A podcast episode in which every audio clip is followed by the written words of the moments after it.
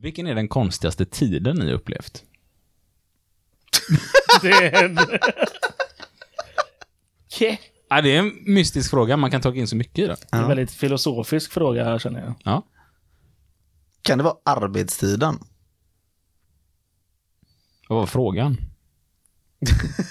Vet du någon konstig tid tror du då? Något åt det hållet ställer du frågan. Ja.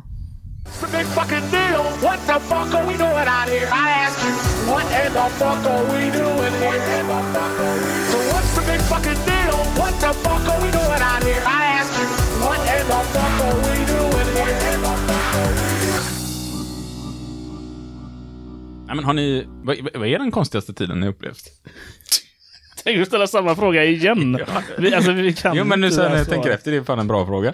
Ja, Okej. Kan, kan du svara på din egen fråga till att börja med? Eh, jag behöver fundera en stund. Ja, alltså du känner också Jo, så? men frågan var ju lite riktad till er också som individer. Ja, jo, självklart. Så jag tror den konstigaste tid jag upplevt faktiskt, nu har jag inte så ska svara på det, det är nog den, den gången när Isak frågade mig, vad är den konstigaste tid som ni har upplevt eh, faktiskt? Ja. Ja. Där, det är nog där jag får säga faktiskt. ja. Mm. Jim? Ja, nej, jag måste hålla med Sebastian. Ja. Det- Du då Isak, är den konstigaste tiden du Oj. upplevt? Det är en jävligt bra fråga. Ja. Jag tycker det är en bra fråga, en riktigt bra fråga. Mm. Det känns som att det är en djup fråga. Mm. Känns som att du liksom försöker få mer tid genom att bara Nej, säga jag att det är tycker en bara bra att fråga. det är antagligen en väldigt klok person som har Han, kommit på han vill bara imponera, Mm. eller visa hur duktig själv han själv är liksom. Ja, nej, men du var inne på arbetstiden. Mm. Den kan ju vara lite konstig. Mm. Men det kan också vara liksom det här med hägringstid. Man tittar på fåglar som är ute och flockar. Jag vet inte vad man säger. Är det här någonting du upplevt själv, Isak, verkligen? Eller någonting du bara hittar på kanske? Sätts på mitt i naturen. Mitt i naturen. Ja. Vad finns det mer för tider? Ja, man säger ofta vår bästa tid är nu. Ja. Men vilken är den konstigaste tiden? Mm. Det är samma fråga igen. Dåtiden. Nutiden. Sommartid. Det tycker jag är en konstig grej. Vintertid. Vad tycker ni om vintertid? Man har det.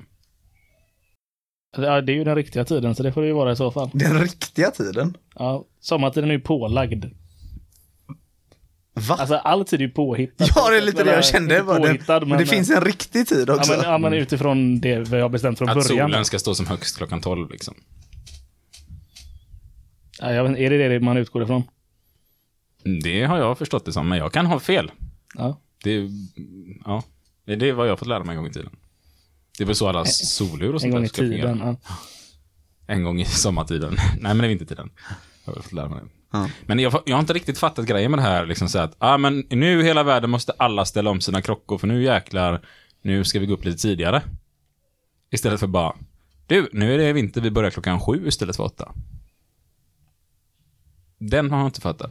Är det lättare att alla ska ställa om alla klockor överallt? Nej, Jag, håller- jag håller med, men alla gör ju inte det. Det är, inte, det är ju inte lika hemskt.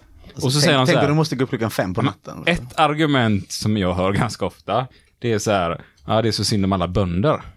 För djuren hänger inte med i detta. Och då tänker jag så här, nej jag tror inte de bryr sig, ärligt talat. Ja. Utan det är väl då att bonden kanske går upp lite senare eller tidigare som blir det konstiga för djuren. Det är väl inte tiden de reagerar på Nej, det sig, tror jag liksom. inte. Men det är något bonden... Ja, vad fan gör du här hålla på. klockan sju? Ska inte du komma klockan åtta liksom? Jo, men vet, det är sommartid nu. Ha? Vad är det här? Så. Ja. Nej, jag vet inte. Ja. Men jag tycker de kan ta bort det i alla fall. ja, det är ju en diskussionsfråga just nu i EU. Mm. När man diskuterar hur man ska göra med Ja, och där den är ju, riktiga tiden, så att säga. ja, men där är ju en bra grej att samarbeta med inom Europa. För det blir ju konstigt om vissa länder har det, vissa har det inte och handel och allt sånt där. Och, och handel har ju varit knepigt. Det var ju någon ö i Stilla havet som hade mestadels av sin handel med Australien. Men istället för att ligga plus 12 timmar så låg de minus 12 timmar. Så de låg ju alltid ett dygn fel. Vilket gjorde fredag i det här landet. Då var det redan lördag i Australien eller något sånt där. Och söndagen är där. Och så gick det bort två handelsdagar med det landet de mest handlar med. Och då beslutade man ju där att nej, men nu går vi in på Australiens tid då. Eller man bytte, om det var någon timma som skilde då istället. Och då tog man bort en hel dag från de människornas liv. Vad tror ni man tog bort för dag? En ledig dag i alla fall. Jag tror fan det va? Mm. Den är jobbig. Vad tog den dagen vägen liksom? Mm.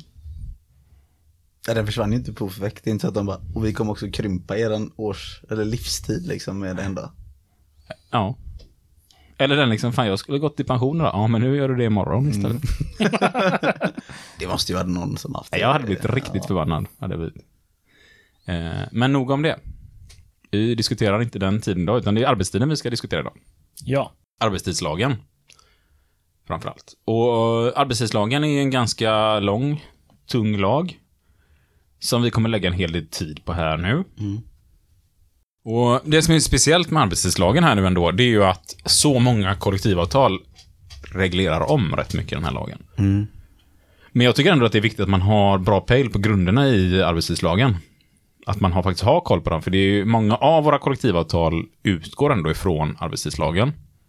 Så att det är viktigt att ha koll på hur arbetstidslagen ser ut och det kommer ändå definitivt att påverka våra kollektivavtal en hel del. För det har vi märkt när vi har fått lite nya regler från EU och sådär. Men kortfattat, vad kan vi säga mer om arbetstidslagen? Vad är det den reglerar?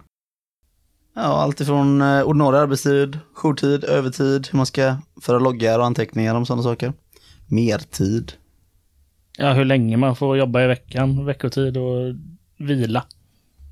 Och kanske det absolut viktigaste som finns på arbetsplatsen. Sluttiden. Ja, och rast. Ja, jag tycker sluttiden är viktigare. Mm. Mm. Hög arbetsmoral på det här gänget låter det. ja, verkligen. Ska vi ta och hoppa rätt in på paragraf 1 då? kan vi. Så börjar vi veta av paragraf efter paragraf i lagen. Mm. Och ehm, som vanligt så kolla alltid era kollektivavtal. Säger vi innan det här. De är för mestadels reglerade och omskrivna i era avtal för att anpassas efter er verksamhet. Och det kommer vi snart prata om. här Det kan finnas lokala avtal också om inte kollektivavtalet reglerar det. Kan man vara väldigt noggrann att påpeka om. Men första paragrafen i arbetstidslagen, det är då tillämpningsområdet för lagen. Denna lag gäller med de inskränkningar som anges i andra paragrafen varje verksamhet där arbetstagare utför arbete för en arbetsgivares räkning. Allmänna skyddsbestämmelser av betydelse för förläggningen av arbetstid finns i andra kapitlet, första paragrafen, arbetsmiljölagen. Särskilda bestämmelser om arbetstid för minderåriga finns i femte kapitlet, den lagen. Det är vår första paragraf. Mm. Vad ska vi säga om det här egentligen? Det känns ju ganska krångligt ändå. Mm. Den talar ju egentligen om att eh, den här lagen gäller alla som är anställda någonstans. Ja. Ska jag, Förutom de inskränkningarna som kommer. Och den kommer i nästa paragraf. Behöver vi förklara så mycket mer? Ska vi hoppa till nästa paragraf? nej, det är ju så som du säger. Alla som är anställda att utföra eh, ett arbete åt en arbetsgivares räkning. Paragraf 2 då, den talar ju då om lagen gäller inte. Arbete som utförs under sådana förhållanden att den inte kan anses vara arbetsgivarens uppgift att vaka över hur arbetet är ordnat. 2. Arbete som utförs av arbetstagare som med hänsyn till arbetsuppgifter och anställningsvillkor har företagsledande eller därmed jämförlig ställning eller av arbetstagare som med hänsyn till sina arbetsuppgifter har förtroende att själv disponera sin arbetstid. 3. Arbete som utförs i arbetsgivarens hushåll. 4. Fartygsarbete eller 5. Arbete som omfattas av lagen 2005 395 om arbetstid vid visst vägtransportsarbete. Regeringen eller den myndighet som regeringen bestämt får föreskriva att lagen ska tillämpas i frågor om fartygsarbete som har undantagits från tillämpning av bestämmelserna om vilotid i lagen 1998 958 om vilotid för sjömän. Bestämmelserna i 10b, 13 paragrafen första stycket, 13a, 14 paragrafen tredje stycket, andra meningen gäller inte när lagen 2005 kolon 426 om arbetstids med mera för flygpersonal inom civilflyget är tillämpligt. Det gäller inte heller inom offentlig verksamhet för arbetare som är speciell för verksamheten och som är av sådant slag att konflikt inte kan undvikas med Europaparlamentets och rådande direktiv 2003 88 EG av den 4 november 2003 om arbetstidens förläggning i vissa avseenden. Sådant arbete kan förekomma hos bland annat Försvarsmakten, Polismyndigheten, Säkerhetspolisen eller vid skydds och beredskapsarbeten. I lagen om arbetstid med mera för flygpersonal inom civilflyget finns bestämmelser om årsarbetstid och om ledighet på stationeringsorten för sådan flygpersonal. Bestämmelser i 13 paragrafen första stycket, 14 paragrafen och 15 paragrafen tredje stycket gäller inte när lagen om kör och vilotid vid internationell järnvägstrafik är tillämplig. Det var en eh, kort paragraf. Ja, verkligen. Mm. Väldigt mycket hoppande mellan olika paragrafer. Så här ser det ju ibland ut i lagtexterna. Och, och då blir man ju så här, man blir så skrämd för man känner så här, wow, jag hänger inte med alls. Vad mycket grejer. Men om vi ska ta och börja liksom beta av det här lite sådär försiktigt, och så börjar vi bakifrån här nu. Jobbar du på polisen, eller på Säpo, eller har skydds och beredskapsarbeten, det kan ju vara brandkåren och liknande. Ja, men då gäller inte arbetstidslagen. Försvarsmakten likaså, som du var inne på här. Alltså, du är militär. Ty tyvärr, liksom. Det är krig mellan Sverige och San Marino kanske. För det har det varit. Fortsättningen. Fortsättningen på kriget. Eh, och så är plötsligt liksom, grabbar, tjejer, klockan är 12, nu släcker vi. Ja. Och San Marino den bara, ah gött, nu tågar vi in för vi har ingen arbetstidslag. Så det finns ju liksom ett syfte med det. Samma polisen som åker och jagar någon brottsling där liksom mitt i biljakten. Så bara, nej, Nu är klockan nu fyra. ringde klockan av här vet du, nu är nattarbete här, då åker vi hem och fikar och lägger oss. Eh, Så det finns ju liksom skäl till detta. Eh, Även inom flyg kan det vara så. Piloten liksom kliver inte bara av där på 10 000 meters höjd, sätter på sig en fallskärm och hoppar. Vad skönt att höra. Och det hade de säkert kunnat göra. Problemet är, hur får du upp den nya piloten? Det, det är bekymret här. Givetvis kan de sitta bland passagerarna. Det finns säkert smarta lösningar på det här. Eh, Men det finns ganska mycket undantag i den här lagen. Men i övrigt så är det ju alltså, för oss som inte jobbar med något så här verkligen speciellt, så gäller ju lagen för oss alla. Men det här är ju väldigt viktigt att er arbetsgivare inte säger du har ett väldigt speciellt jobb här, så för dig gäller inte arbetstidslagen. Nej, det är inte så det funkar. Nej, här är man ju väldigt restriktiv när Arbetsmiljöverket godkänner vad som räknas som det. Det, det står ju ändå här. Ja, vilka- Ja. och de flesta av de här arbetena som är undantagna, då har man med största sannolikhet ut, eller gått någon form av utbildning för det här yrket ja, det är väldigt roligt. Och då har man med största sannolikhet fått lära sig de här grejerna av fackföreningen som har förhandlat fram avtalen på de områdena. För det finns ju fortfarande avtal där som gäller. Så det är ju inte så att polis, brandmän och militär, liksom, ni har inga regler som gäller er alls. Utan de har ju bara förhandlat bort väldigt stor del av det här i sina avtal. Men i övrigt då, eh, alltså när en arbetsgivare inte kan förväntas ha koll på dina arbetstider så behöver de inte följa det här. Och lagen pratar ju även om det här om man har förtroenderapportering som vissa har. Alltså oreglerad arbetstid, att du själv brukar din arbetstid. Och då kan det ju bli extremt svårt för arbetsgivaren att hålla koll på detta. Men återigen, det har man ju kanske inte om man eh, jobbar i en butik eller är läkare eller något sånt där, utan då har man ju ofta kanske bokade tider eller ett, en viss tid man ska vara där. Och det gäller arbetstidslagen. Men har ni helt fria tider, att men du kommer och går som du vill, du sätter upp den tiden själv och du fyller i din lön själv, men då kan det vara undantaget härifrån. Så att det är inte så extremt komplicerat som det får det låta. Fartygsarbete är också en sån här grej man har tagit bort, för att någonstans likadant där, det kanske inte är rimligt att byta ut besättningen mitt ute till havs. Ja, det är väldigt svårt om inte annat. Du ställer som en Sen- fråga till oss. Ja, det var en fråga. Det kanske är svårt. Jag har inte reflekterat så mycket över det. nej, nej. Jag är ingen sån riktig båt... eh, Du får kolla med din bror. Jag får kolla med min bror. Mm. Han har faktiskt seglat eh, över Atlanten och grejer. Mm. Hör om han nästa gång man är halvvägs, ska vi byta av? det kan inte jag, jag blir så fruktansvärt åksjuk. Men det ska vi inte hoppa in i nu. Jag får arga miner här får jag mot mig. Men eh, det där var egentligen eh, paragraf två. Och den talar ju om då vilka som inte eh, går den här lagen. Jag tycker inte vi ska krångla till det riktigt så här mycket i resterande program. Vi ska försöka hålla det här på nivå nu så att det är enkelt att hänga med. Ni som jobbar i yrken där det finns massa undantag, jag tror att ni redan har koll på det mesta av det här.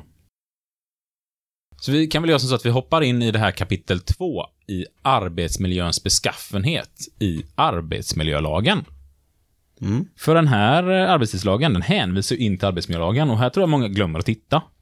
Och det här tycker jag är väldigt starka och bra texter, för där står det så här att Arbetsmiljön ska vara tillfredsställande med hänsyn till arbetets natur och den sociala och tekniska utvecklingen i samhället. Vid fartygsarbete ska arbetsmiljön vara tillfredsställande också med hänsyn till sjösäkerhetens krav.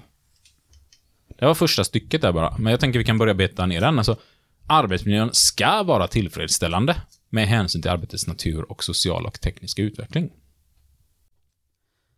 Men det betyder ju att man ska hela tiden sträva att jobba med utvecklande verktyg och metoder och hela tiden inte jobba med så att säga gammal skit kan man väl säga slarvigt uttryckt. Att man ska ha nya fräscha verktyg, maskiner, ja, vad det nu än kan vara för att det ska bli så tillfredsställande som möjligt. Och här ska ju även arbetstiden regleras in detta. Mm.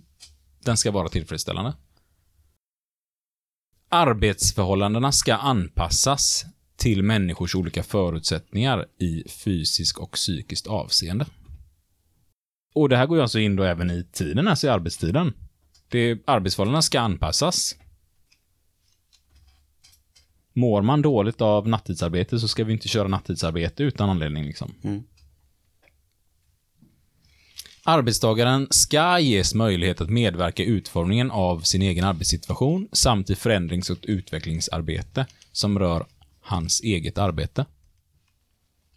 Också viktigt att ha med sig när man diskuterar arbetstid.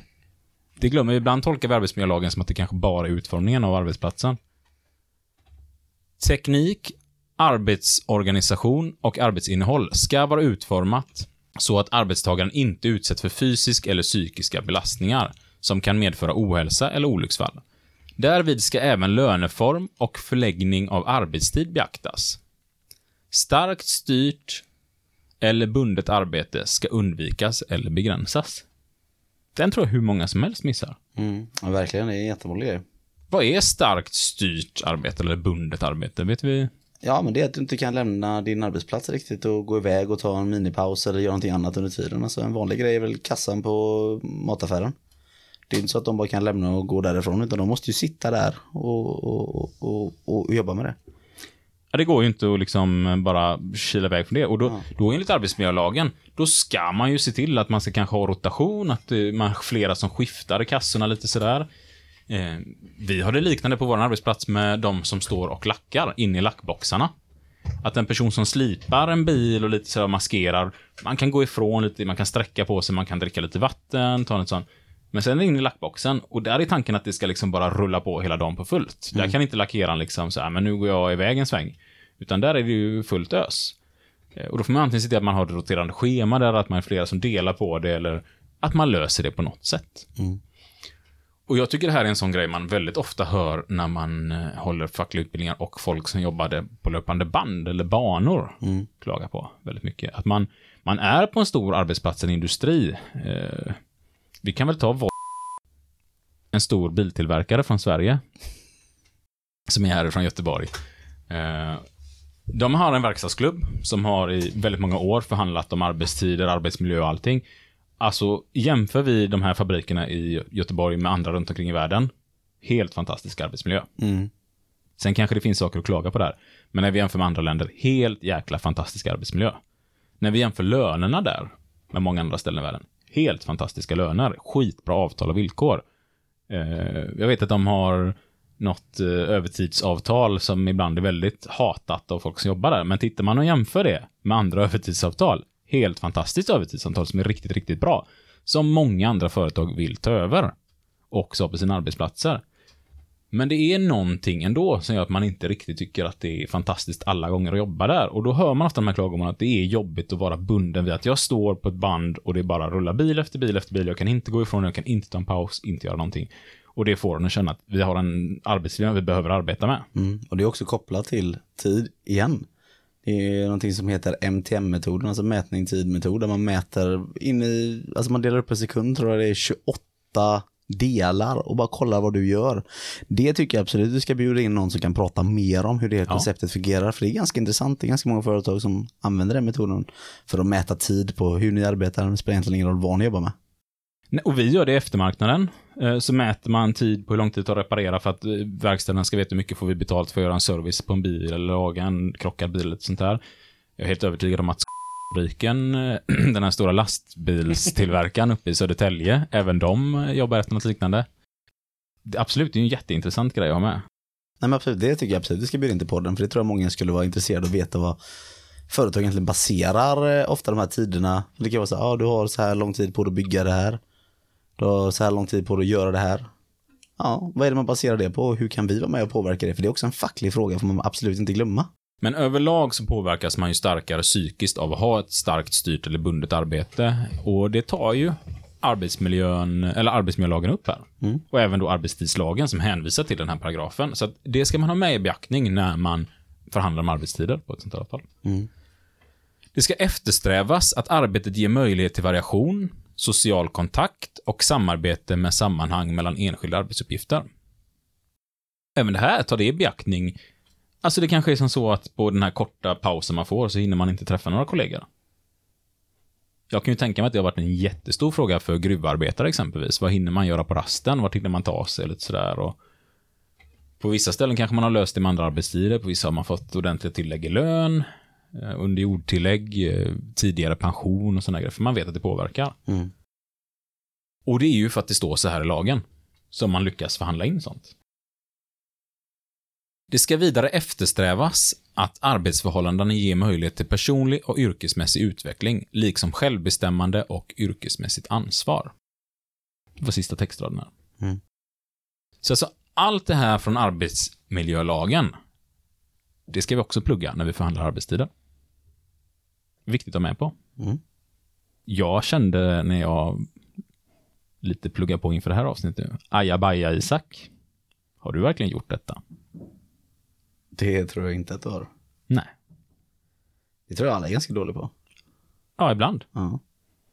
Men jag vet också att vi har folk som sitter och ska förhandla arbetstid och bara tittar i arbetsmiljölagen. Eller vad säger Ja, i arbetsmiljölagen. Och det är också lite farligt. Så, ja. Ibland måste vi titta på mer än ett ställe. Och givetvis kollektivavtalen också då. Eller lokala avtal eller vad det kan vara. Mm. Ska vi hoppa vidare? Till paragraf 3. Paragraf 3 är också en sån här jätte, jättelång paragraf som hänvisar till 5, 6, 7 andra stycket, 8, 10, B, 12, 14, 15. Eh, ja. Och jag tänker att det blir omöjligt för folk att höra. Mm. Så att istället så försöker vi lite prata kring den här paragraf 3 och den handlar om disposiviteten i lagen. Och disposivitet, vad betyder det? Ja, det är att det kan eh, förändras egentligen, att det inte är fast eh, på det sättet. Utan man kan göra undantag från lagen, man ska förhandla in det i kollektivavtal exempelvis. Är upp till parterna där att avgöra vad man tycker och tänker om de här frågorna. Paragraf 3 börjar så här. Genom kollektivavtal som har slutits eller godkänts av en central arbetstagarorganisation får göras undantag från lagen i dess helhet eller avvikelse från femte, sjätte, sjunde, så har vi åttan, tian och så lite där och fortsätter ännu mer.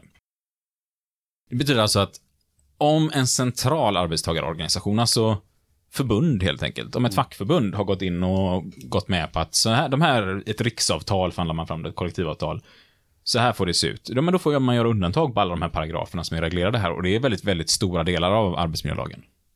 Ar arbetstidslagen. Ja, men det är också precis det som säger, det är central arbetstagarorganisation så ni kan inte undanta dem själva på arbetsplatsen. Om inte ert kollektivavtal säger att det har ni rätt att göra. Och så kan det vara att det kan stå i kollektivavtalet att det är arbetstidslagen som gäller. Mm. Men vid lokal överenskommelse kan ni förhandla om jourtid eller annan övertid. Eller, Nattarbetstid. ja. Mm. Och där har vi ju regleringar i olika avtal. Ja, ibland. Hur ser det ut i ditt avtal Sebastian? Har ni Där har vi inte reglerat sig för totalförbjudet med nattarbete. Ja. Men vi jobbar nattarbete hos oss. Hur är det möjligt då? För vi har en dis- dispositiviteten hos oss att kunna ta den förhandlingen. Ja. Mm. På lokalen va? Hur ser det ut i vårat avtal, Jim? Vårat avtal så får man inte heller jobba natt. Om man inte förhandlar lokalt då. Eller spelar den här gamla klassiska låten Breaking the Law? Lite lågt så. då, men då får man ju inte det heller. Nej, det får man faktiskt inte. Det hjälper, det hjälper inte att spela den låten. Ja. Den hjälper mot mycket annat, hastighetsregler och sånt där, men inte Det nästan förväntas att bryta mot Ja, hastighetsregler. lite grann. Eh, nu skämtar vi här, så att ingen, ingen... Det hade varit jobbigt faktiskt att få ett sånt papper hem från advokatbyrå, liksom att du har sagt i podcast att man får köra för fort om man spelar Breaking the Law med Judas Priest och så... Försvinner det avsnittet då eller? Ja, så vi är tydliga här, vi skojar om detta. Jätteviktigt. Det står också att man får göra avvikelser från en hel mängd paragrafer med stöd av kollektivavtal som har slutits av en lokal arbetstagarorganisation i vissa av de här paragraferna. Sådana avvikelser gäller dock under en tid av högst en månad, räknat från dagen för avtalets ingående. Så det finns alltså undantag man kan göra, bara i en månad. En arbetsgivare som är bunden av ett sådant kollektivavtal som avses i första och andra styckena får tillämpa avtalet även på arbetstagare som inte är medlemmar i den avtalsslutande arbetstagarorganisationen. Och det är ju som vi pratade om i MBL-avsnitten, alltså finns det ett kollektivavtal så gäller det alla. Ja, det är ju det som kallas för kollektivavtalets normerande verkan. Så har ni koll på det? Speciellt alla ni som går en arbetsrättsutbildning eller ska gå snart. För det brukar vara en sån fråga som alltid kommer upp. Vad menas med MBLs normerande verkan för kollektivavtalet? Och så, det står ingenstans i klartext, utan det var ju Arbetsdomstolen som egentligen har- det har prövats i. Mm. Även ni som är handledare vet det nu också då, så att ni slipper stå och skämmas inför... Jag vet inte om det har hänt någon. Har det hänt dig Sebastian? Tittar du på Sebastian? Kan ha hänt när du och jag har hållit kurs. Ja. Vi fick googla det till slut. Ja, men då finns det ett knep. Nu får alla ni som går kursen, ni får hålla för öronen. Då säger man till deltagarna, har du verkligen läst igenom hela lagen? Titta lite på paragraf, så hittar man på ett par stycken, så här, läs dem lite noga. Och då får man en halvtimme på sig. Och då går man ut så ringer man alla man känner och söker på nätet och sådär och så förhoppningsvis har man ett svar. Får inte du säga sånt här, för jag håller ju faktiskt en utbildning nu, så du kan ju inte använda den. Lyssnar de på den här? Ja, det gör de. Ja, Hej på er, deltagare. Vi hoppar vidare nu till paragraf 4. Regeringen eller den myndighet som regeringen bestämmer får meddela särskilda föreskrifter för totalförsvaret med avvikelse från denna lag. Så det gäller troligtvis inte dig som lyssnar på det här, om du inte jobbar inom totalförsvaret. Och då kan regeringen i princip besluta att eh, krig är krig. Vad är det de säger? I krig och kärlek är allt Tillåtet. tillåtet. Mm. Mm. Men det stämmer inte riktigt, för det är, i det här fallet är det bara i krig ja, som det är tillåtet att bryta mot lagen. ja. Paragraf 5. Ordinarie arbetstid och jourtid. Den ordinarie arbetstiden får uppgå till högst 40 timmar i veckan. När det behövs med hänsyn till arbetets natur eller arbetsförhållande i övrigt får arbetstid uppgå till 40 timmar i veckan i genomsnitt för en tid av högst fyra veckor. Veckan räknas från och med måndag, om inte annan beräkning tillämpas på arbetsstället. Och nu börjar vi komma in på de här paragraferna som faktiskt reglerar lite mer. Ja, ja, ja, men vilka arbetstider har jag rätt att ha på mitt jobb då? Liksom, vad har vi för möjligheter? Och här talar ju lagen om att vi har en arbetstid på vad då? 40 timmar i veckan. Ja. Men får jag ställa en fråga till er då? När tror ni man börjar försöka reglera sånt här? I riksdagen? Vilket årtal alltså? Som det här blir reglerat. När som man börjar försöka reglera arbetstider? 1889. Nej. Det han sa, Lite tidigare. fast lite tidigare. Jaha, det var lite tidigare. Ja. Åh, vilken tur Isak. ja. 1856 kom första motionen in där man ville ha eh, ja, man ville sänka arbetstiden så man skulle max få jobba 12 timmar per dag. Och för barn under 16 var det max 8 timmar. Det är ett tag sedan. Vilka jävla Det är ett tag sedan. lyckomänniskor. Bara åtta timmar om dagen. Ja, Ja. för barnen. Och vi är där nu och så många människor ser ju den här 40 timmars veckan som en, någonting som är hugget i sten, självklart. Det gick inte igenom ska jag säga. Nej. Och jag vågar inte svara, när fick vi 40 timmars veckan? Eh, har ni kollat paragraf eh, 4 och 5? Tycker jag att ni två tänker, ska, tänker du ställa... Så tycker jag att ni två gör det eh, nu. Jag skulle tro att det är 76. Nu fattar inte jag riktigt. Eh, Titta i fyran och femman igen. Vi har väl precis gått igenom dem? Nej, men jag kan då svara, det var 1973. Ja, ah, du gjorde en sån. Som vi har till deltagarna. Du var deltagare här nu Isak. Eh, Ja, Eller jag med. förstår jag hur det känns. 1973, 73. då fick vi 40 timmars veckan. Mm. Och det var ju en strid att komma dit ner. Ja, det var ju samma hot som att det var, får man lägga ner verksamheten, allting flyttar utomlands och ja, det blir inte bra, hur ska man ha råd med detta, bla bla bla bla bla. Och likadant när vi gick till 10 timmars veckan. Mm. Så var det samma sak. Herregud, ska ni jobba så 10 lite? timmars veckan. Ja, 10, Den väntar jag på. Jag gillar, också att jag är helt såhär, ja Isak, ja. 10 timmars arbetsdag var det jag tänkte på här. Det en... Det hade varit gött. Ja. ja. Jag gjorde jag en sån liten grej där jag inte lyssnade riktigt på vad du sa där. Ja, du förstod vad jag menar. Ja, jag förstod vad du menar. Men Jimmy är vass idag. Ja. Väldigt viktigt att påpeka att med det här liksom att det är 40 timmar i veckan. Det här är också en sån här grej. Det är för att ni kollar ert kollektivavtal. Jag vet inte hur det ser ut i ert kollektivavtal. Hur jobbar man om man har skiftarbete i ert kollektivavtal? Om man har skiftarbete, ja. Ja. Det, är det ganska ovanligt i våran bransch. Ja. Det finns ju med i avtalet. Ja. Att man kan förhandla om det. Ja. Ja. Och så är det ju i vissa Ja. fall. Att man får förhandla om det. Ni börjar kanske då redan där. I mitt avtal finns det tydligt att man får arbeta kvällar exempelvis i avtalet. Och då är det vissa arbetstider. Så hos oss arbetar man ju 38 timmar exempelvis i veckan. För det säger vårt Och kollektivavtal. det är reglerat i era kollektivavtal. Och vi sitter ju i ett bra förhandlingsläge för att vårt avtal tar om att eh, vi har inte det. Och vill man ha det så får man förhandla om det och ingen är tvingad att gå med på det. Mm. Så då får man ju sitta och helt enkelt titta på, men vad är det värt för er att ha skiftarbete? Men alltså här kan, man, här kan man göra exakt vad man vill. Hos oss arbetar man ju fyra minuter längre varje dag. Oj, fyra minuter. Ja, varje dag jobbar vi fyra minuter längre varje dag. Och det täcker så vi alltid kan vara hemma två veckor mellan jul och nyår. Mm. Men nu är vi inne på kollektivavtal. Ja. Vi hoppar tillbaka in på den här paragraf 5. Den talar alltså om att arbetstiden ska vara 40 timmar i veckan, max för heltid. Men om det behövs med hänsyn till arbetets natur, natur eller arbetsförhållande i övrigt får arbetstiden uppgå till 40 timmar i veckan i genomsnitt för en tid av högst fyra veckor.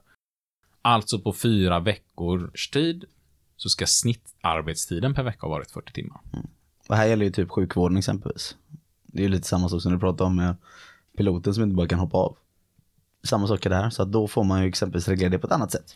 Ja, och så är det ju även med många som arbeten där man kanske reser bort någonstans eller nu vet jag att det är helt andra regler när man är ute till havs, men vissa arbeten till havs är det faktiskt så att då kanske du är iväg två veckor och sen är du hemma två veckor.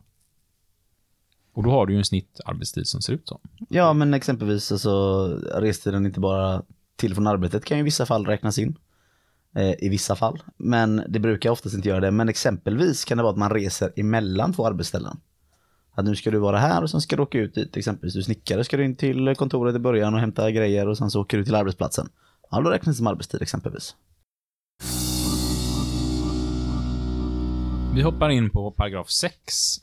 Om det på grund av verksamhetens natur är nödvändigt att arbetstagare står till arbetsgivarens förfogande på arbetsstället för att vid behov utföra arbete, får jourtid tas ut med högst 48 timmar per arbetstagare under en tid av fyra veckor, eller 50 timmar under en kalendermånad. Som jourtid anses inte tid då arbetstagaren utför arbete för arbetsgivarens räkning. Nu är vi inne på någonting som jag kan säga att jag är jättedålig på själv. Jourtid. Alltså lite så kan man säga att med jourtid menar man att man enligt lagen att arbetstagaren befinner sig på arbetsplatsen. Beredd att börja arbeta om det behövs. Eh, Alltså lite som en väntetid. Man arbetar inte, det får man inte göra under den här tiden utan man, man ska vänta och sen så när man rycker in. Ja då får man ju exempelvis full lön, då gör man ju arbete men annars är man bara där på jour. Exempelvis sjukvården har ju det, socialvården, kriminalvården, brandförsvaret, polisen med mera. Och då får man ju bara då ta ut eh, max eh, 48 timmar per arbetstagare under en fyra veckors period eller 50 timmar under ka- kalendermånad. Det här är ju då att inte eh, blandas ihop med nästan liknande regler på övertiden. Utan här är bara då för att man ska vara exempelvis eh, tillgänglig för att det kan vara fel. Men det ska inte vara så att man kan göra det på alla arbetsplatser för att på något sätt öka liksom arbetsinsatsen utan det ska förekomma i sådana fall där, där det finns, måste finnas personal tillgänglig Och vi ska heller inte blanda ihop jour med beredskap. För det är två helt olika begrepp. Ja, här är man ju på arbetsplatsen oftast. Mm. Och vid beredskap, då är man kanske hemma och helt enkelt kan få ett samtal att idag får du rycka in. Mm. Eh, Men man brukar ju väldigt ofta i folkmun kalla beredskapstid för jourtid. Så det är ganska noga där att man eh, har koll på vad det här betyder. Ja, det kan röra sig om ganska många kronor extra i månaden man går miste på om arbetsgivaren bedömer det som beredskapstid och det egentligen är jourtid. För det är oftast olika ekonomiska Ja. reglementen kopplat till det. Och framförallt om ni sluter ett lokalt avtal så kan ju det bli ett lokalt avtal så kan det bli ogiltigt om ni väljer att kalla beredskapstiden för jour. Och så får ni inte ha jour på ert avtal exempelvis. Mm. Så det gäller att ni har lite pejl på det här, jour och beredskap. Innan vi hoppar till eh, nästa paragraf nu som handlar om övertid, paragraf 7. Mm. Kan vi inte bara köra en sån nu? Skillnaden jour och beredskap, Sebastian. Alltså jour, då ska du vara på arbetsplatsen. Det brukar vara vanligt. Det behöver man inte vara, men exempelvis brandmän. De sitter ju oftast på brandstationen och väntar på att samtal ringer. Det funkar ju inte att de är hemma och så, ja jag kommer in till, eh, till brandstationen här om en kvart, 20 minuter. Ja det är lite kö nu. De ska ju vara där för de ska snabbt kunna sätta sig i bilen. Då är man på jour. Ja, Ja, beredskap, då är du hemma. Eh, och det kan vara vad som helst. Alltså det kan vara att du, du ska vara extra ifall det blir, nu ska vi ta det i- inte så extremt här. Men, eh, men det kan vara så Ifall- på Jims, ifall maskinen, Jims jobb att eh, en lastbil har fått stopp någonstans. mm, exempelvis. Ja, Och så behöver du rycka ut, liksom. Ja, någon av gubbarna på mitt jobb i alla fall. Jag rycker inte ut på jour. Nej, Eller beredskap. Man åker inte ut och riktar en krockskada Ja, det är på väldigt plats och ovanligt. lackar den och så tar det fyra veckor och så, ja. Men är det något mekaniskt till exempel? Ja, precis. Ja, för, för, mig, vi, ja, vi har ju varken jour eller beredskap hos mig. Så att jag är, ja, jag är helt sådär när folk ta jour och beredskap så nickar jag bara med. Ja, vi, Säger, alltså, vi, vi har ju en underhållare som går runt och skämtar på jobbet. Ja, Nej, ja. men, eh, som jobbar med underhåll på Ja. maskinerna. Eh, och eh, ja, exempelvis om maskinen går sönder klockan fyra på natten så får han ju hoppa in då. Men då är inte han jour hela tiden för det får man ju bara ha max 48 timmar. Utan han har ju beredskap hela tiden istället dygnet runt. Och det tycker han är bra. Ja. Det kanske inte hade varit ett finns ju dåligt sådana jobb. människor som tycker det är bra. Ja, men det kanske inte hade varit dåligt jobb, för jag menar, står man där som ägare för ett företag och så mitt i natten går maskinen sönder, man får panik, alltså det blir ju stressigt, Ja. pengarna tar stopp, shit, vad kommer de här utländska investerarna göra? Ångest, oro, och så tar man upp telefonen och så ringer man till en underhållare. Ja. Så jag, åh nej, har maskinen stannat? Ja, men du, har du hört den här? Ja. Och så skrattar man lite, ångesten är lite det. mildrad. Så är det ju. Nej men det är ju från, när man får Skönt att vi förtydligar nu Isak. Ja. Nej men det är så att man får ju lön så fort samtalet ringer man sätter sig i bilen där, hos oss. Ja. Vill bara tillägga liksom. Jämfört med alltså, den, den ersättningen är ju inte den högsta liksom. Kan det vara 40 spänn i timmen eller någonting. Då är det bra att inte ha en för snabb bil, eller? Ja precis, man kör ju långsamt. Så. Nej men, eh, och sen så har man eh, jour, då är man ju där och har lön under tiden. Ja. Men då är jag med helt på det där. Mm. Då hoppar vi in på övertiden nu då. Paragraf 7. Med övertid förstås sådan arbetstid som överstiger ordinarie arbetstid enligt femte paragrafen och jourtid enligt sjätte paragrafen. Om annan ordinarie arbetstid eller jourtid gäller på grund av kollektivavtal som har tillkommit i den ordning som anges i tredje paragrafens första stycke eller på grund av medgivande om avvikelser i Arbetsmiljöverket enligt 19 paragrafen ska med övertid istället förstås sådan arbetstid som vid heltidsarbete överstiger ordinarie arbetstid och jourtid enligt avtalet eller medgivandet. Vid beräkning av övertid ska kompensationsledighet eller annan ledighet som förläggs till arbetstagarens ordinarie arbetstid eller jourtid likställas med fullgjord ordinarie arbetstid respektive jourtid. Det var en lång paragraf för att beskriva vad som gäller vid övertid. Men den här paragrafen reglerar egentligen vad är övertid? Ja, alltså det är något som gör att den ordinarie arbetstiden inte räcker. Då får man ta ut allmän övertid inom vissa gränser. Eh, samma sak om jourtiden inte skulle räcka. Ja, då har man också möjlighet att gå in på övertid istället och göra detta. Och övertiden får bara utnyttjas för tillfälliga behov. Det får inte vara liksom att nej, vi skiter i att anställa folk, vi låter folk jobba på övertid istället. Det är bättre. Utan det ska vara för tillfälliga behov eller särskilda behov som gör att man behöver öka arbetstiden under en period. Paragraf 8. När det finns särskilt behov av ökad arbetstid får övertid tas ut med högst 48 timmar per arbetstagare under en tid av fyra veckor eller 50 timmar under en kalendermånad. Dock med högst 200 timmar under ett kalenderår. Allmän övertid. Ja, men precis, det är det som är den allmänna övertiden och det reglerar ju egentligen det här med att man får ta ut högst 48 timmars övertid per arbetstagare på en tid av fyra veckor eller 50 under en kalendermånad. Så man får ju faktiskt ha koll på de här timmarna, att man väldigt noga med att man ska få in de här loggarna vi kommer prata lite mer senare om, att man kan kontrollera exakt hur det går till. Dock får man göra hela den här övertiden under högst 200 timmar under ett kalenderår. Det är det som vi kallar för allmän övertid.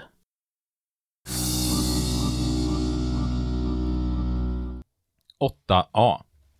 Övertid utöver allmän övertid får tas ut med högst 150 timmar per arbetstagare under ett kalenderår, om det finns särskilda skäl för det och situationen inte har gått att lösa på annat rimligt sätt. Extra övertid. Extra övertid och allmän övertid får tillsammans inte överstiga 48 timmar per arbetstagare under en tid av fyra veckor eller 50 timmar under en kalendermånad. Ja, och det, det här reglerar ju egentligen lite extra, precis som du säger, det är väldigt viktigt att man har koll på att ja, det är inte så här, men nu går ta ut din extra övertid och därför får du jobba mer, utan det är fortfarande samma regler som gäller. Det är 48 timmar en tid av fyra veckor eller 50 timmar under en kalendermånad. Men här ska man ha väldigt koll på liksom att det finns en möjlighet att ta ut extra. Eh, men då ska det finnas särskilda skäl för det och det ska vara en förutsättning att det absolut inte gått att lösa det här på något annat sätt, exempelvis via anställningar, hyra in folk eller att man justerar de arbetstiden lite för, för personer under tillfällig eh, natur. Liksom. För, för, för så, alltså normalt ska ju den allmänna övertiden vara helt förbrukad innan eh, extra övertiden ges ut. Och tidigare var det så att Arbetsmiljöverket då på ansökan av arbetsgivaren provade den här frågan. Men nu är det här reglerat istället rätt i lagen. Så att det gäller att ha väldigt koll på det här liksom på jobbet eh, och så. Och det här kan jag bara säga att det här brukar oftast finnas reglerat i kollektivavtal att det inte finns någon sån här utan det är de här 200 timmarna som man brukar prata om som gäller oftast de allmänna övertiden. Eller vissa har till och med förhandlat ännu mer. Ja, eller 150, Mm. säger vissa avtal. Om jag inte är helt ute och cyklar nu så har vi väl max 150 timmar övertid i vårt avtal, va? Det tror jag stämmer. Shit vad osäker har vi inte jag koll på. Vi har Nej. inte så mycket övertid i vårt avtal. Nej, oftast. inte så mycket. Nej, vi har eh, 150 plus 50. Och de 50 är det upp till eh, oss i den lokala klubben att förhandla om. Ja, så då är det egentligen 150, sen måste företaget komma och förhandla med. Precis, och då har de rätt att ta upp till 200. Men lagen, som sagt, eh, lite mer gentil gentemot arbetsgivarna. Mm. Får vi väl ändå säga. Men det här är oftast, alltså det här är nog en av de vanligaste grejerna som är reglerade i ett kollektivavtal. Ja, och det här är ju en viktig fråga ur många perspektiv. Alltså det här är ju även samhällsekonomiskt väldigt viktigt för att i Sverige så jobbar vi enormt mycket övertid och nu har inte jag några uppdaterade siffror på det här, men jag vet att för ett par år sedan så pratade man om att Eh, jag tror att det var 400 eller 500 000 jobb, heltidsjobb, som jobbades övertid i Sverige. Och sen har vi dessutom alla svartarbeten som sker. Och så tittar vi på att vi har en arbetslöshet. Jag menar, hade man fått ner bara övertidsarbetena så hade vi inte behövt ha en enda arbetslös i hela vårt land. Och det är ju någonting också värt att tänka på för att visst finns det många människor som tycker att det är härligt att jobba övertid och sådär och jag får lite extra pengar. Men någonstans ska man ändå tänka att ur ett samhällsekonomiskt perspektiv blir det så klokt i längden. längden. Ja. Ja, nej men alltså det man ska lite tänka på den extra övertiden, alltså det ska gälla att det ska inte Alltså det ska inte vara det här med, med bara, ja men vi behöver ta ut övertid för att, utan det, det ska inte vara att man ska kunna använda det här för att eh, ta ut extra övertid eller mer tid för, eh, ja, om vi har sjukdomar, andra vakanser som exempelvis man vill inte anställa folk. Det ska, det ska, alltså man, får, man får kolla lite för kostnaderna, alltså det ska kunna gå att lösa på arbetslivet ett rimligt nivå fortfarande. Som man säger, och, och det här får man väl säga att rimligheten och bedömningen på att situationen har inte gått att lösa, den ska man göra jävligt restriktiv när man sitter som fackförening alltså. För det här kan bara sättas i normalspel, att nu jävlar kör vi övertider hela tiden ute i... Ja, för man får inte planera och schemalägga övertid så att det blir en del av att man utökar arbetstiden. Då bryter man mot arbetstidslagen. Och det kommer vi komma in på lite mer sen. Jätteviktigt att ni har koll på det. Man kan liksom inte schemalägga att Ja, men Sebbe jobbar eh, 43 timmar i veckan, så planerar vi in tre timmar som övertid varje vecka. Då bryter man mot arbetstidslagen. Paragraf 9. Har en natur eller olyckshändelse eller annan liknande omständighet som inte har kunnat förutses av arbetsgivaren vållat avbrott i verksamheten eller medfört överhängande fara för sådant avbrott, eller för skada på liv, hälsa eller egendom, får övertid tas ut för arbete i den utsträckningen som förhållandena kräver. Det är alltså nödfallsövertid. Om det för arbetsstället finns en lokal arbetstagarorganisation inom vars avtalsområde arbetet faller, får nödfallsövertid tas ut endast under förutsättning att arbetsgivaren snarast underrättar organisationen om övertidsarbetet. Och nu pratar vi ju alltså att något väldigt extremt händer här, alltså Ser det här kopplat till el eller vattendistribution exempelvis som avbrott där, exempelvis att någonting sker. Alltså när man, när man pratar om det här med nödövertid, då, då tar man inte riktigt hänsyn till det som vi kallar för allmän övertiden, liksom, de 200 timmarna. Det här får man bara kötta på som, som det gäller. Liksom. Det kan vara att hela staden svämmar över eller någonting och alla måste hjälpas åt. Eh, exempelvis. Det kan även faktiskt alltså vara eh, ett stort maskinhaveri som stoppar driften av en större industri. Räknas faktiskt också in det här. Men eh, man kan ju inte använda liksom att eh, ja, normala reparationer liksom, som, som skulle vara normalt underhållas räknas som nödövertid. Att hämta in en liksom, försening, att man har misslyckats i produktionsplanering och sådana saker. Ja, nu är det nödövertid. Utan det här är bara liksom eh, i de fallen som vi pratar om. Alltså det är exempelvis brand och översvämningar, ras och, och så vidare. Och när vi pratar om det här force major så säger man ju på engelska act of God. Mm. Och det finns en rolig film faktiskt som handlar om det med en kille i Nya Zeeland, tror jag det var. Alltså det bygger på en riktig händelse där. Som inte får ut försäkringspengar när hans segelbåt blir sänkt i en storm. Han bor på den här segelbåten. För att försäkringsbolaget hävdar att men det här är act of God. Ja. Och han väljer då att eh, försöka stämma kyrkan. Aha. Så jag tror att det är katolska kyrkan han vänder sig till att stämma påven. Ehm, och det här är på riktigt liksom. Så att det här blev en domstolsförhandling i Nya Zeeland. Jaha. Vann han? Nej men jag tänker inte avslöja någonting för att det är en bra film. Jag tycker den är väldigt rolig att titta på. Och så, så sitter jag och berättar exakt hur den slutar. Då sabbar man rätt mycket av filmen. Så vi kan väl göra så här, vi ger er ett par avsnittschans här och...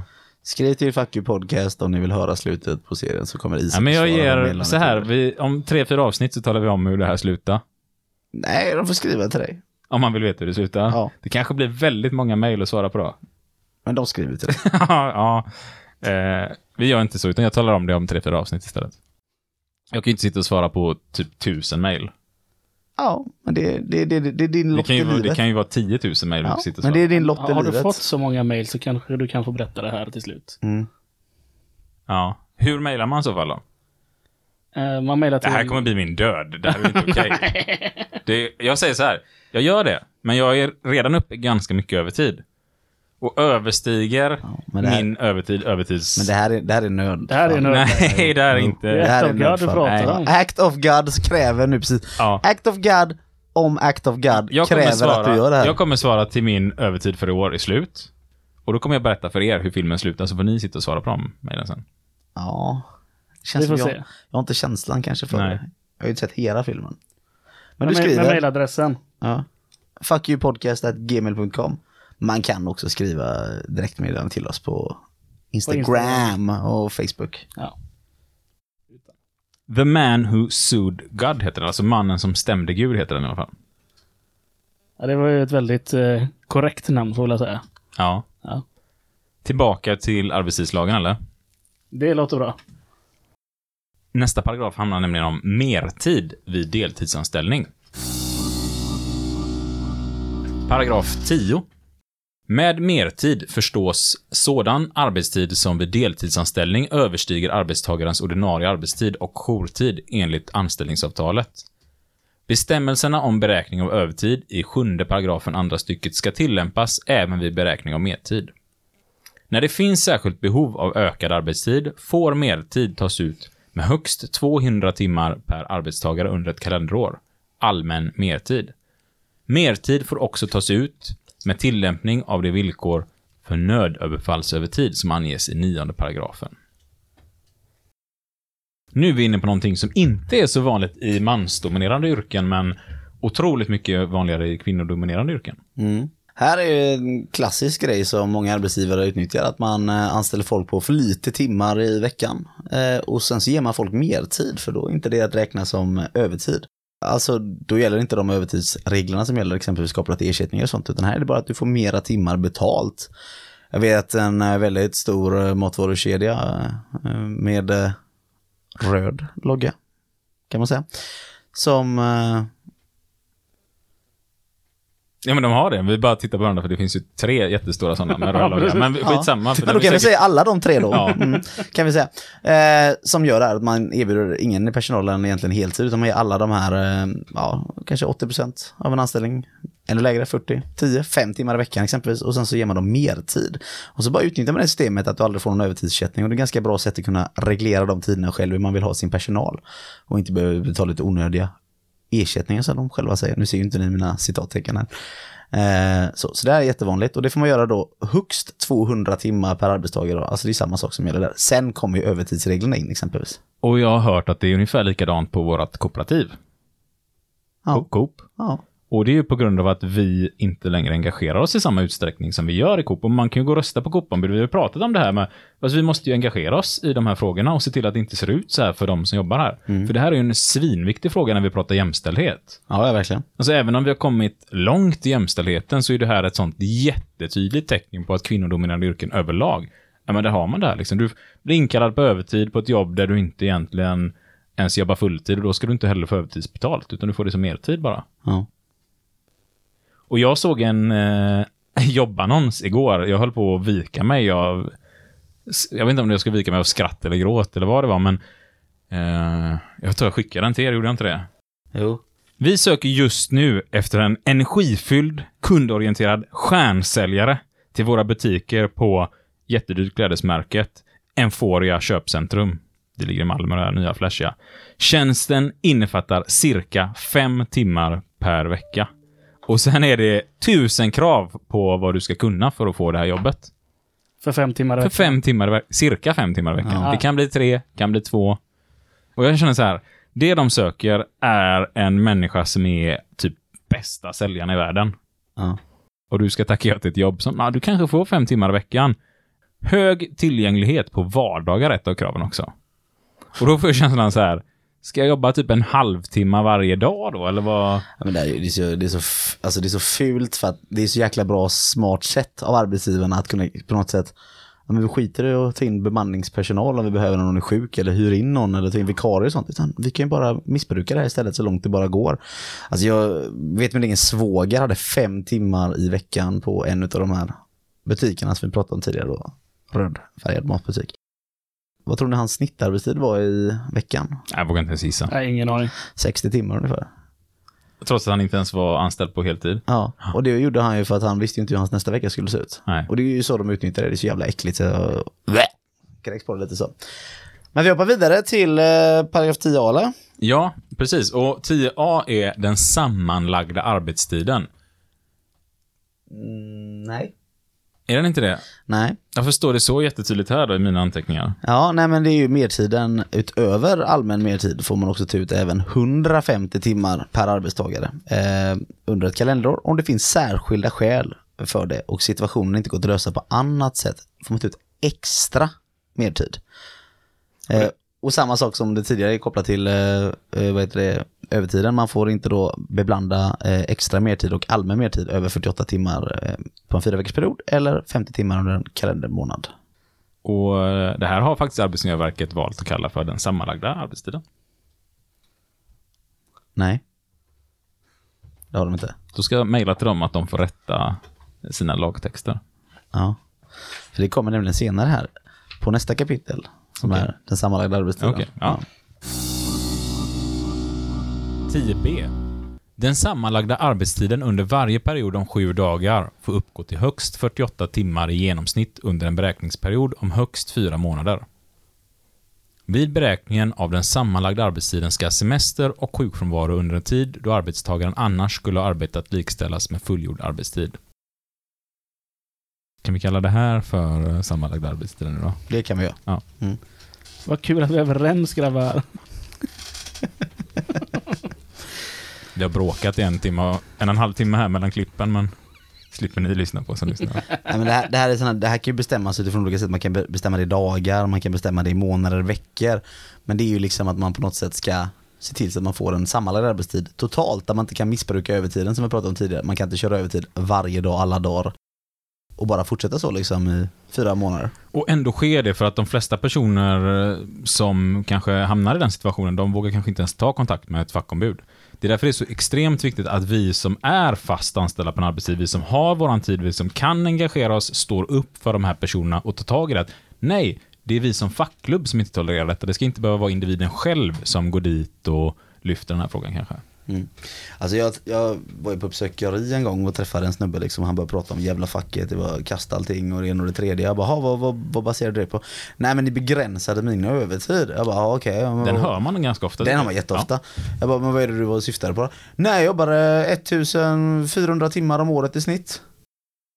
Jag bara, jaha, oj det var inte bra liksom. Vad fan, han landade ju liksom på, ja typ fan bara 15-16 timmar per dag. Man tjänar jävligt mycket pengar, jävligt mycket pengar. Jag bara, okej varför vill du inte gå med nu då liksom? Det är för dyrt sa han liksom, som en av anledningarna.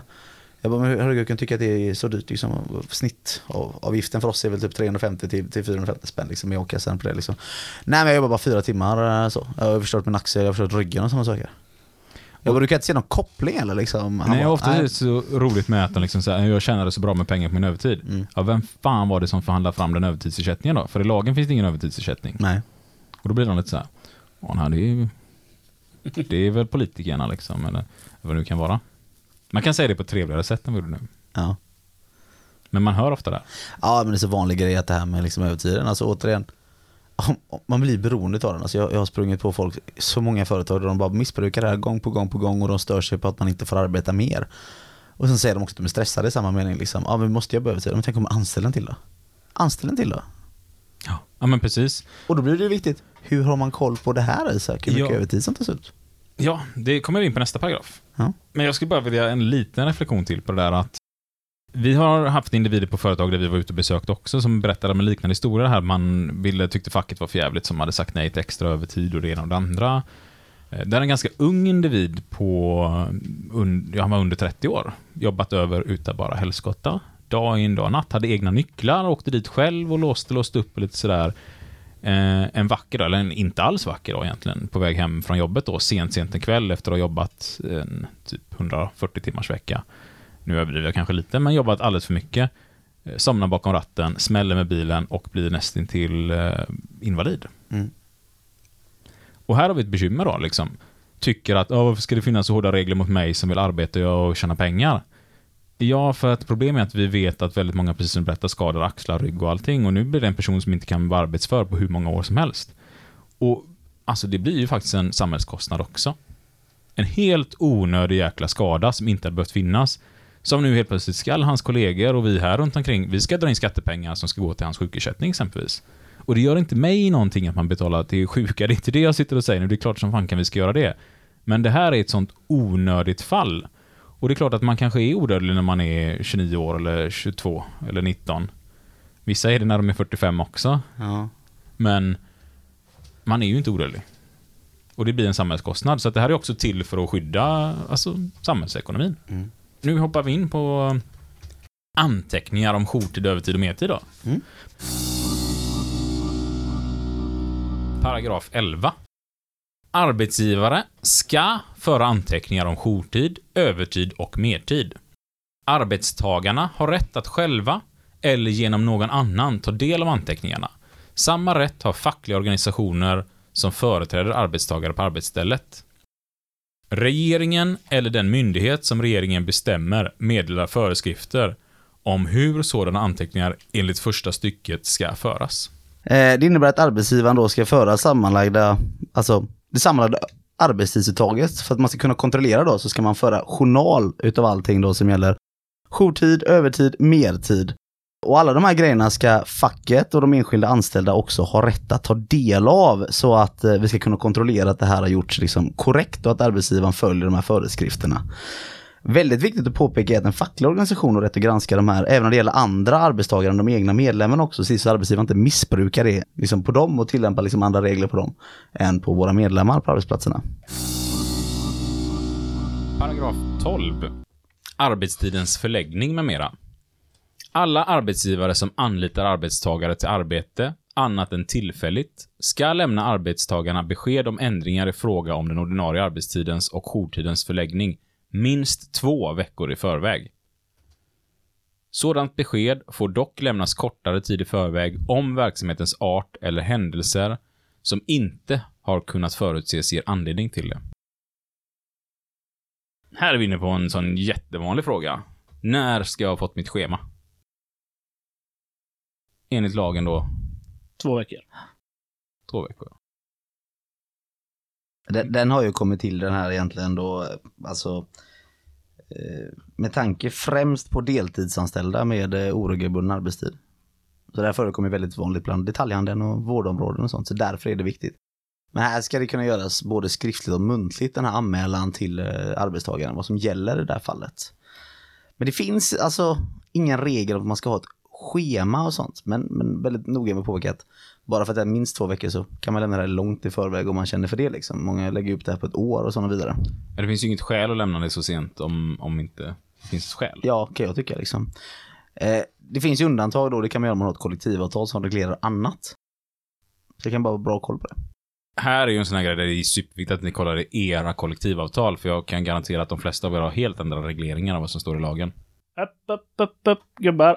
Vi, vi måste bryta. Det är arbetstidslagen vi pratar och nu har vi suttit länge så stopp. Jäklar, det är stopp för idag alltså.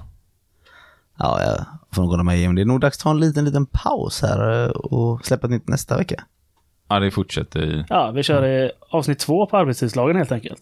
Ja. Men innan vi bryter får vi bara säga att eh, följ oss på fuckyoupodcast.gmail.com eller det, det följer oss inte alls utan Men där kan man mejla i alla där fall. kan man mejla till oss och ni kan följa oss på Facebook och Instagram och där heter vi Fuck You. Podcast. När släpps eh, del två? Nästa vecka. Nästa vecka. Ja. Ja. En liten eh, Du, grej. vänta. Innan vi går till nästa avsnitt, jag har en superviktig grej som de måste... få- big fucking